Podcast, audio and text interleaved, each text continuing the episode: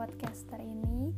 Jadi so sorry kalau masih banyak kurang dan salah. Hari ini gue cuma mau share sedikit tentang what's going on my life atau in my society. Itu oke perkenalkan sebelumnya nama gue Yemima but you can also call me Nai. Kenapa Nai? Kayak nggak nyambung sama nama gue. Actually Nai it's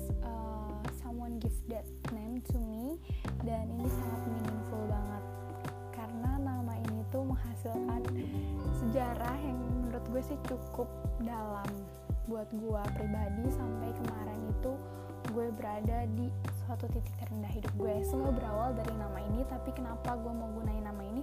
Karena biar gue itu ngerasa kayak oke okay, gue nggak jatuh gue harus bangkit. Dan waktu gue inget nama ini bukan sakit hati lagi yang gue ingat tapi ada kayak semangat baru kayak gitu sih.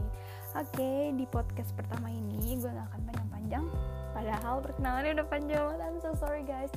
Jadi pertama-tama kenapa gue pengen bikin podcast? Karena kenapa ya? Gue pengen sharing aja sih sama teman-teman di luar sana tanpa menggunakan identitas asli gue